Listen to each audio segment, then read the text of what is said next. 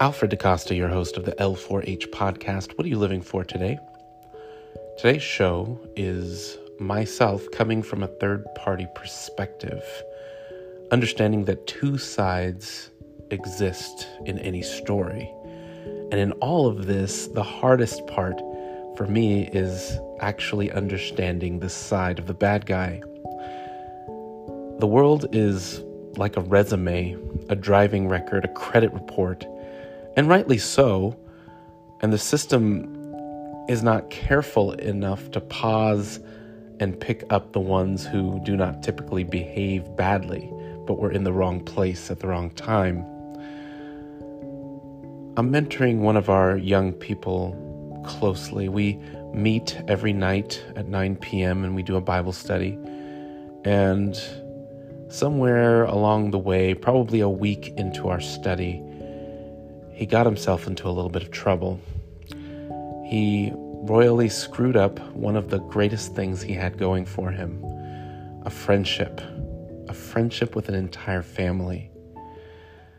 And speaking from a parent's perspective, I can understand some of the measures that the parents took in doing whatever it takes to protect our kids.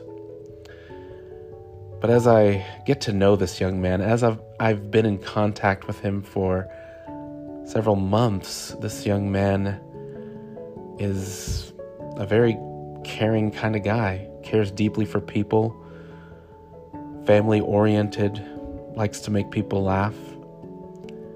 And that's actually what happened. In an attempt to raise the bar during a joking session, he crossed the line and it got discovered. The family wants nothing to do with him. So, during our Bible study called 40 Days to the Cross, we talked about it and um, prayed about it. Never met this guy before, to be honest. He showed up during one of my youth Zoom virtual hangouts. His desire was to learn the will of God for his life especially during this COVID 19 thing. He felt he was moving away from his first love, which was, which is Jesus Christ. That it happened. And you know, it's hard to tell him that Jesus is the answer, but he is. And he's starting to see it. Can you imagine in all of this COVID 19 isolation plus relational isolation in a situation that you carry some of the responsibility for, man, that can be difficult. So pray for him.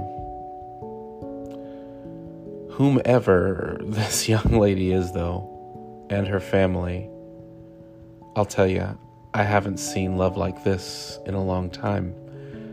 It's the kind of love that wants the best even for his enemies some of the story has been inflated and exaggerated and even outright made up. And imagine being unable to defend yourself and defend your cause and all of that when no one will listen.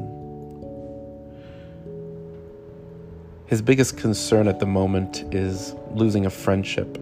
His biggest concern is closure he fears he will never be able to get from the parents. I can't get in the middle of it though.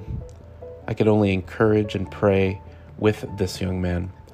But if it was any of my business, I would say to the young man, use this opportunity to cling even tighter to the cross of Christ. That while we don't know what the future holds, the King of reconciliation will give you a way to right what was wronged. The offended party may never accept your heartfelt apology, and it will take time to build trust, but that's what Christ died for. Dear young lady, you are loved, and not in that immature teenager kind of way either. In speaking to this young man, it reminds me of the patient persistence I had in pursuing the young lady that I'm now married to after 14 years today. So happy anniversary there. I dated her father first, wanting to win his confidence. I could never even see her without her parents being present. We dated for 10 years. Dear parents, I too am a parent. I would do what needs to be done to protect my child. She is your most prized possession in this life. And while you'll never hear this, I would not ask you to allow him near your daughter, but I would ask to allow him to make things right with you. An opportunity to win back your trust. That seems to be the thing that plagues his very thoughts. More than dating, more than anything, he seems to respect your boundaries. However, he cannot seem to bear the thought of losing the friendship with her and the family. And finally, dear person who hates this young man, this guy um, doesn't understand why you hate him so much, but he prays for you. Wish I knew why you hate him so much. It's a funny thing he said. He thinks after all of this is said and done that you two will probably be good friends. Well, that's all I've got. I want to thank you all for joining me.